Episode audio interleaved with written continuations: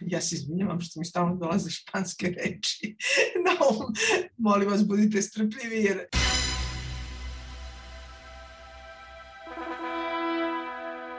Moramo da napravimo nešto da izgleda gore od sajma. Moram da smislim to i da pitam kineze.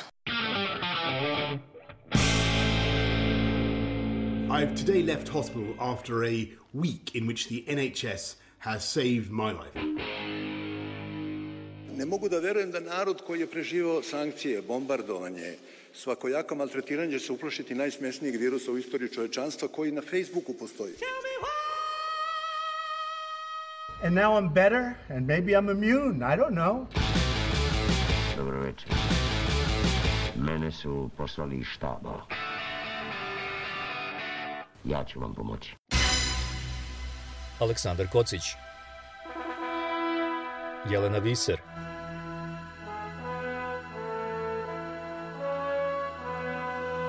Radio Karantin Hronika istorije u nastajanju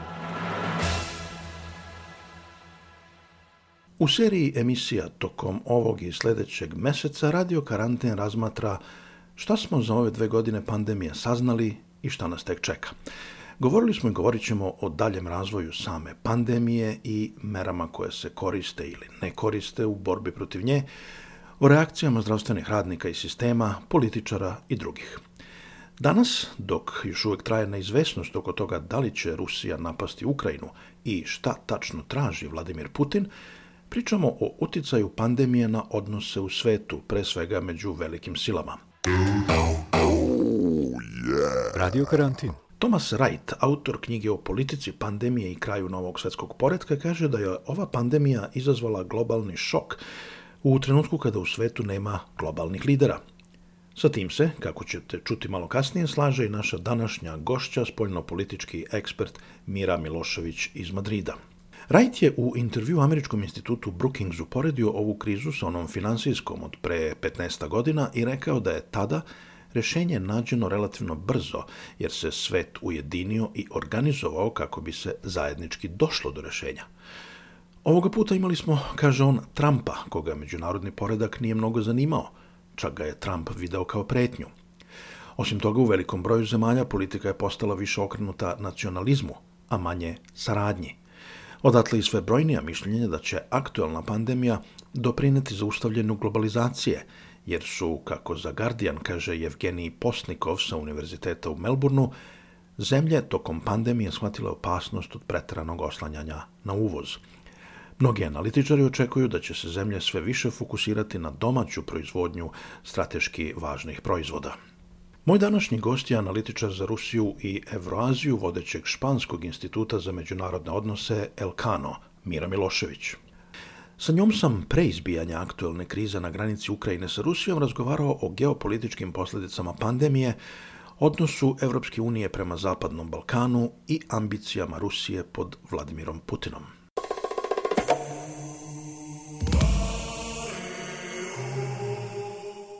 Već je dve godine koliko traje pandemija i za sad se kraj ne nazire. Šta su za vas glavne geopolitičke posledice ove pandemije? kad je pandemija počela, također je počela jedna velika diskusija da li će pandemija promeniti internacionalni sistem potpuno ili ne, šta će se tu desiti i tu su odma razni eksperti krenuli da, da diskutuju da li će, jedni su govorili da će to potpuno sve da se promeni, a drugi su rekli da će samo da, da ovaj internacionalni sistem koji je krenuo već da se menja pre pandemije, da će se sve to ubrzati.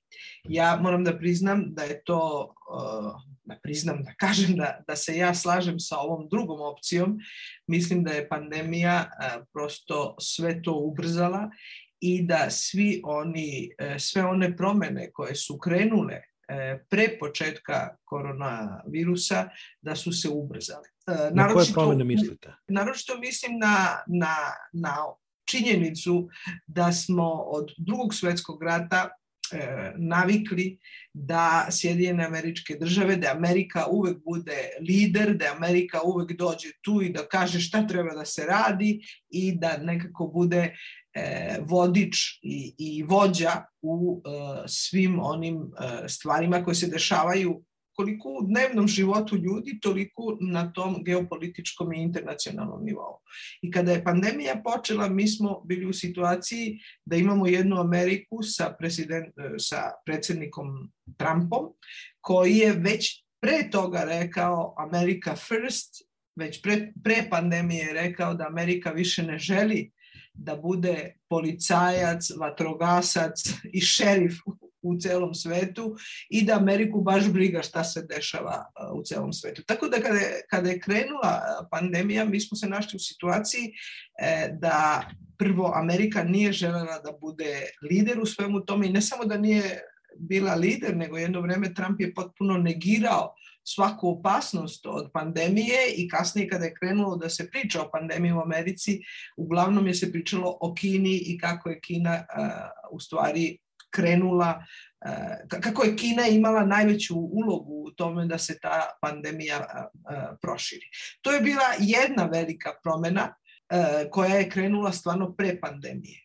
Druga promena koju smo videli u, u, u toku i na početku, naročito na početku pandemije, bila je potpuna pasivnost i ne solidarnost evropske zajednice. Jer ako se setite na, na početku pandemije ovde u, u Evropi, mi smo videli da su zemlje odmah krenule da zatvaraju svoje granice, Nemačka je odlučila da ne može da se izvozi sanitarni zdravstveni materijal nigde, da e, zemlje su krenule odmah da, da, se, da se povlače i da, e, što je prilično logičan e, logična reakcija, ali ono što se videlo takođe je da sav taj taj diskurs, cela ta priča o velikoj solidarnosti, o, o, o velikoj e, zavisnosti zemalja jedne od drugih u evropskoj zajednici je krenulo da pada u vodu, krenulo je da se, da se rastapa cela ta, e, cela ta priča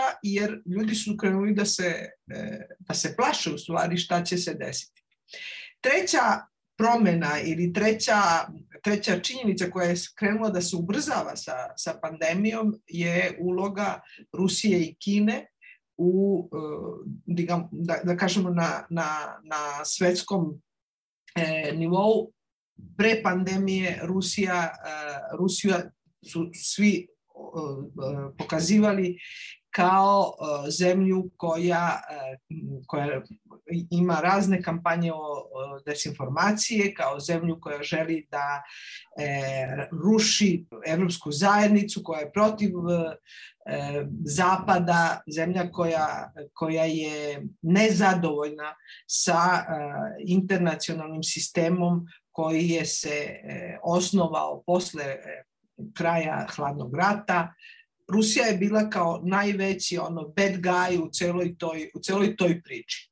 Kinu, od Ki, Kina je označena e, kao zemlja koja ima slične ambicije kao Rusija, ali drugačije metode. Tako da, da, da, da smo videli koliko pandemija može da bude tema desinformacije i geopolitike u smislu da su ove dve zemlje, naročito ove dve zemlje, krenule u jednu trku koje su prosto pomerile taj rivalitet između velikih potencija pre pandemije na teren pandemije u smislu e, rivaliteta u vezi sa vakcinom, u vezi istraživanja o vakcini, u vezi sa maskama i tako dalje. Da li misle da je Kina uspela da izađe iz pandemije neoštećena? U smislu imidža, u smislu svog položaja u svetu? Ja mislim da je, da je Kina, da je oštećen jako ugled Kine u, u svetu, u smislu da, da se za vreme pandemije videlo koliko oni mogu da budu agresivni u koristeći desinformacije, desinformaciju kao instrument uh, uti, političkog uticaja u drugim zemljama i mislim da, da, je, da je imidž Kine vrlo oštećen sa činjenicom da Kina nije praktično dozvolila ozbiljno istraživanje o, o početku pandemije. I druga činjenica je da je Kina, kada je krenula pandemija u Kini, oni su prvo zatvorili e, vazdušni sistem u Kini, zabranili su letove unutar svoje zemlje, dok su i dalje dozvoljavali letove iz Kine u druge delove sveta. To sam teo da vas pitam za put svile, odnosno ovaj takozvani Belt and Road Initiative, to je inicijativa da se ulaže širom sveta kroz kineske kredite, angažuje kineska radna snaga i tako dalje, podiže se infrastruktura širom sveta. I sad vidimo da prvo SAD, a sad i Evropska unija počinju da e, ulaze u slične projekte koji treba da budu suparnici ovom kineskom. Da li vas to podsjeća ili, ili e, asocira na novi hladni rat? Ja mislim da je to ono što je od uvek bilo, to je što se zove great power competition, rivalitet između velikih, velikih sila. Da li je to hladni rat?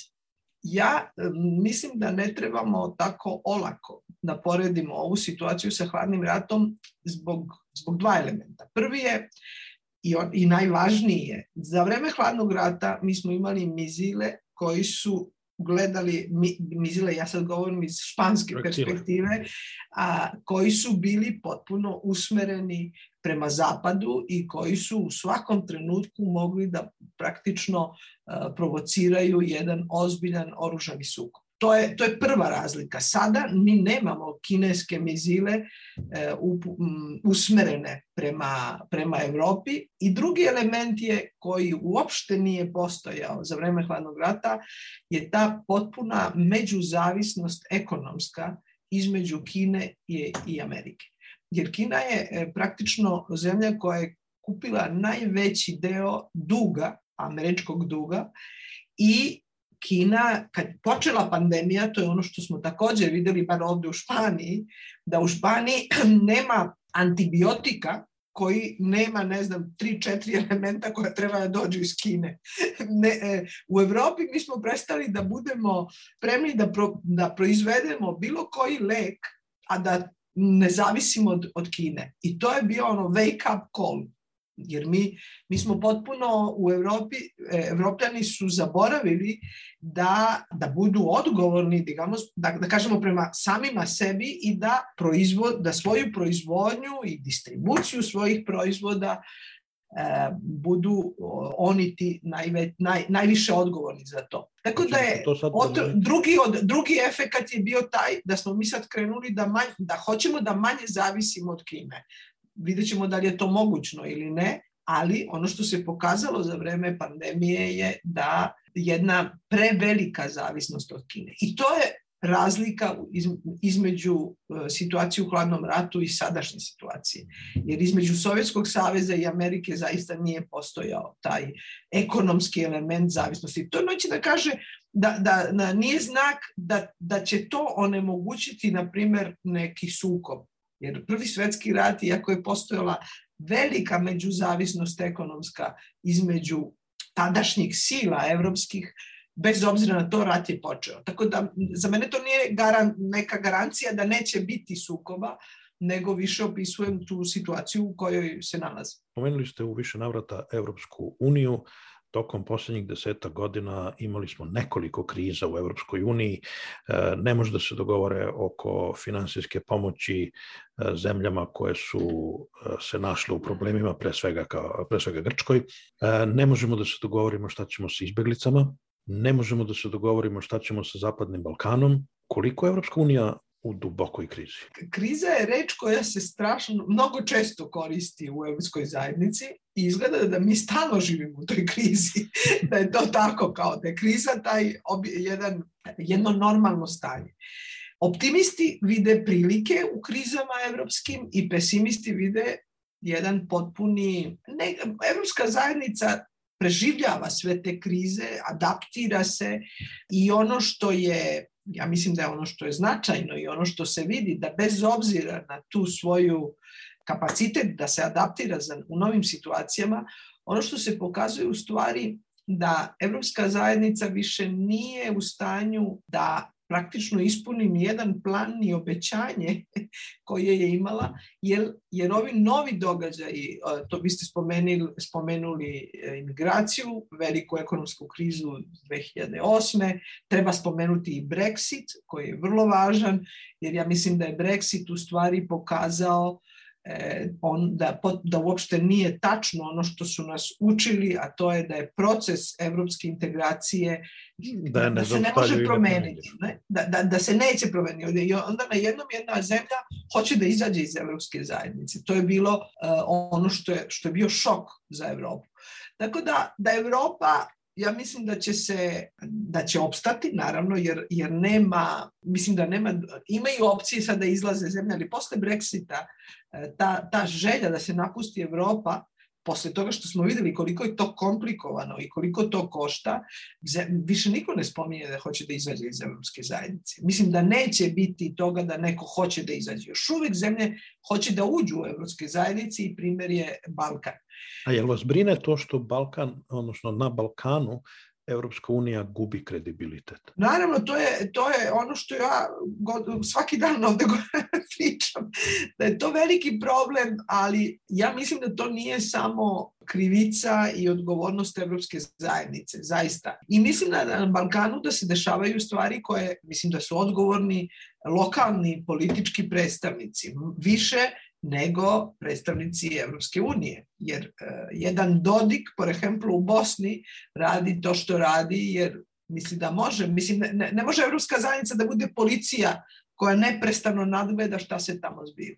Koliko vas brine ta situacija u Bosni? Mislim da neće biti rata, jer smo umorni od ratova na Balkanu ali mislim da to potpuno udaljuje, udaljuje ceo, ceo region, celu zonu od Evrope i naročito od, od svake demokratske e, varijante za, za zemlje na Balkanu. E, Srbija nije Bosna, ali u Srbiji e, sve više vidimo koliko je vlada Aleksandra Vučića koliko sve više ide prema populizmu, koliko manipuliše e, sve med, slobodne medije, koliko želi da ima, koliko je taj diskurs za mene je vrlo, vrlo populistični, ali ono što me najviše brine u stvari na Balkanu, osim ovih političko-etničkih sukoba koji dalje mislim da se koriste mnogo e, nacionalistički diskursi za prosto da, da bi se dobila popularnost. Ono što mislim da je naj kritičnije taj odnos Srbije sa Rusijom, e, odnos Srbije prema Kini i ideja Rusije, Kine, Turske, arapskih zemalja da u regionu sa, sa svojim investicijama mogu ne da kupe sve, ali te investicije, ono što je u poređenju sa Evropskom unijom važno da se kaže je da e, ta, Kina, Rusija, Turska, arapske zemlje ulažu u Balkan i ne traže nikakve reforme, nikakve promene u zamenu za to. Zašto Evropska unija insistira da Zapadni Balkan mora da uđe kao grupa? šest zemalja, zašto ne pojedinačno, zašto ne, na primjer, prvo Severna Makedonija? Ja mislim da, da je najveći strah Evropske unije od ponovnog rata na Balkanu.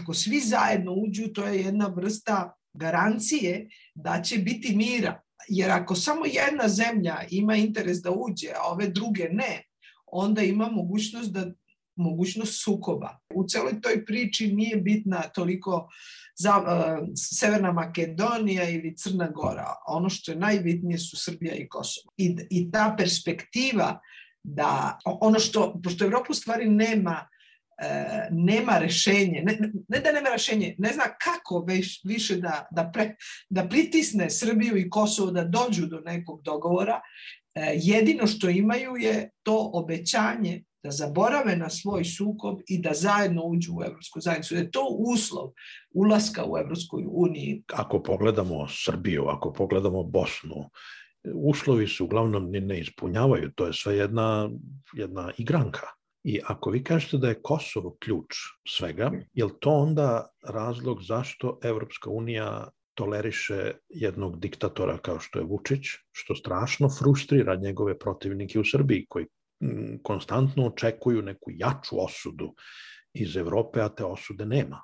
Evropa je pokazala ne samo i ne samo Evropa, takođe i Amerika, su pokazale da više vole i da više podržavaju stabilnost nego, nego jednu nesigurnu, ali više demokratsku vladu. Ono što njih zanima je da, bude, e, da ne bude rata više na Balkanu, jer Balkan je jedan vrlo komplikovan prostor u Evropi je, a, a uvek ima mogućnost da, da izbije neki, neki konflikt.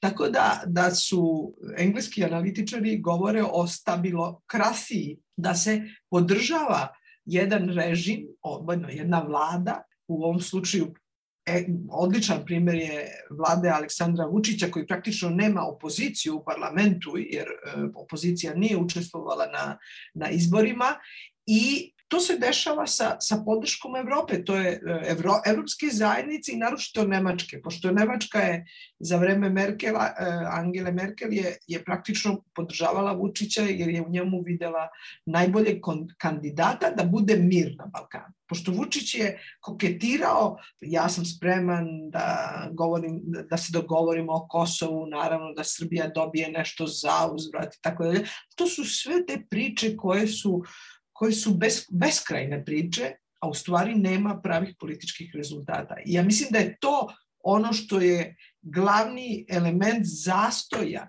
svakog demokratskog razvoja na Balkanu. S jedne strane imamo pritisak na, na, na Vučića da prizna direktno ili indirektno da prizna nezavisnost Kosova, a s druge strane imate pet zemalja u Europskoj uniji koje neće da priznaju to Kosovo. E, da li bi to pomoglo da se pri, pojača pritisak na Srbiju ako bi sutra Španija, hoće li Španija da prizna Kosovo? Mm, svaka zemlja koja ne priznaje Kosovo od ovih pet ima svoje razne razloge. Ono što se postu, što je Evropska unija, na primjer, postigla do sada je, na primjer, da Grčka otvori svoju tržišnu kancelariju na Kosovu i koji je prvi korak. U ovom trenutku u Španiji, kako je ove ovaj poslednjih, poslednjih šest meseci Slovenija bila predsednik Evropske unije, mnogo je se radilo na tome. Mi smo ovde u Španiji organizovali jedan veliki seminar sa svim e, predstavnicima iz svih ministar, iz Ministarstva spoljnih poslova svih zemalja na Balkanu, uključujući i Hrvatsku i, i, i Sloveniju i Španija je dobila, usvojila odluku da otvori takođe jednu tržišnu kancelariju na Kosovu. Međutim, čovek koji je sve to organizovao i potencirao u Španiji, na kraju je dao ostavku, jer njegove kolege uopšte nisu to htele da prihvate. Zašto?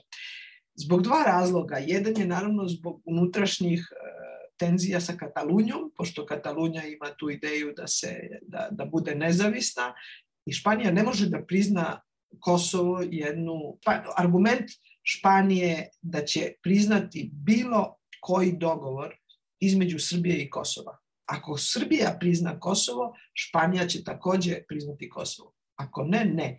Jer e, sa tim podlače da bilo koja nezavisnost jednog e, dela teritorije jedne zemlje samo može da bude usvojena ukoliko e, dve strane e, zaista se slažu u tom. Ali vi mislite da bi to stvarno imalo odjeka u Kataloniji? E, ne bi, ali to je, to je mislim, ne bi jer, jer su slučajevi potpuno različiti. Nema, Kosovo uopšte nema nikakve sličnosti sa Katalunjom, ni u jednom smislu, ali Španija ne želi da prizna ni, na, ni u jednom delu sveta, imalo to veze ili ne, ili sličnosti sa Katalunjom, ne želi da prizna jednu teritoriju koja se jednog, jednostrano proglasila nezavisnom. Ja, ja ne mislim da će Kosovo biti rešen, problem Kosova brzo, jer vlada Vučića živi od tog konflikta. Ono što ne pomaže je što Kosovo takođe ne, nije ispunilo praktično, praktično ništa od, od e, briselskog procesa od 2013. od dogovora o uh, statusu Srba u Severnom Kosovu. I kažete mi, na kraju spomenuli ste Rusiju, ta zapravo Putin hoće. E, jesu li njegovi... U kom delu sveta? Evo, sad ću da pitam, jesu njegovi potezi, potezi očajnika koji je shvatio da je isteran sa vrha ili sa vrha uh, svetskog, svetske, globalnog. Svetskog, aha. Praktično ga je Kina istisnula. Ili je ovo sada jedan svet u kojem imamo tri velike sile? Ja mislim da o Rusiji se puno fantazira u sadašnjoj situaciji. E, jedini čovek koji je rekao kad smo svi ovde pričali o kraju istorije, o tome da je pobedilo definitivno demokrasija, liberalizam, kapitalizam, da, da, da je kraj istorije, ono što je rekao Fukuyama, da će definitivno Amerika biti jedina super sila u svetu. U to vreme, to je bilo 90-ih, jedini čovek koji je 1994. rekao da je budućnost internacionalnog sistema u stvari un sistema policentričan, multi, multicentričan, multipolar ovde što se zove, sad, da neće biti samo jedna ili dve supersile, da će ih biti više, to je rekao Henry Kissinger 94. i on je govorio da će, e, da, da će e, svetska svetski sistem internacionalni biti organizovan između, naravno, Sjedinjenih američkih država, Rusije, Kine Indije i eventualno Japana, Australije. Da li je Rus, Rusija je svesna da je Sovjetski savez 21. veka Kina, ali takođe je svesna da, da, da svet više neće imati samo dve, dve sile.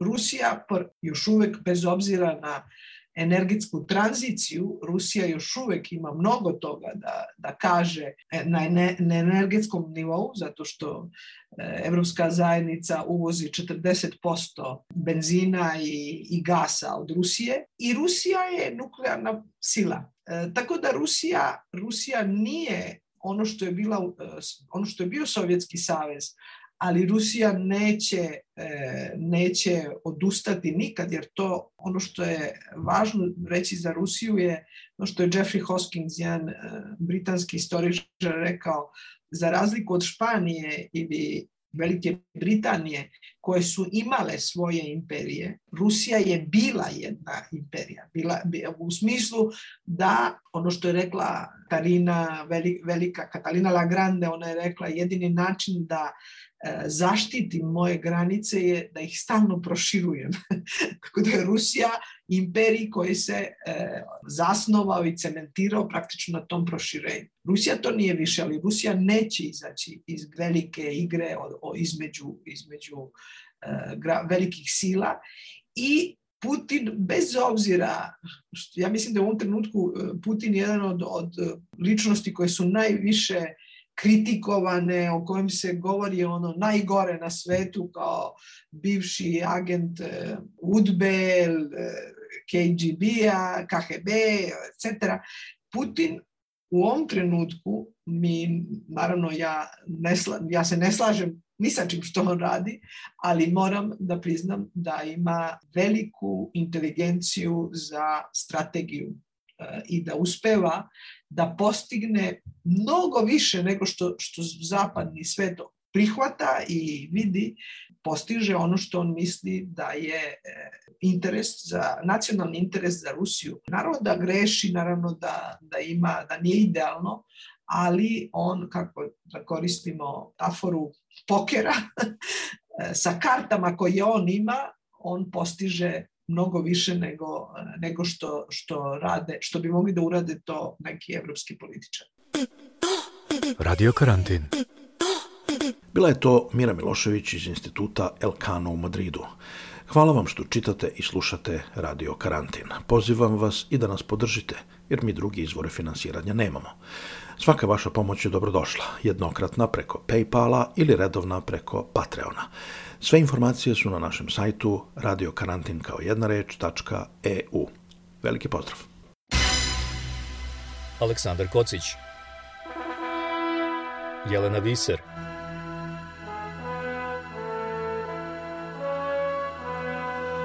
Radio Karantin Hronika istorije u nastajanju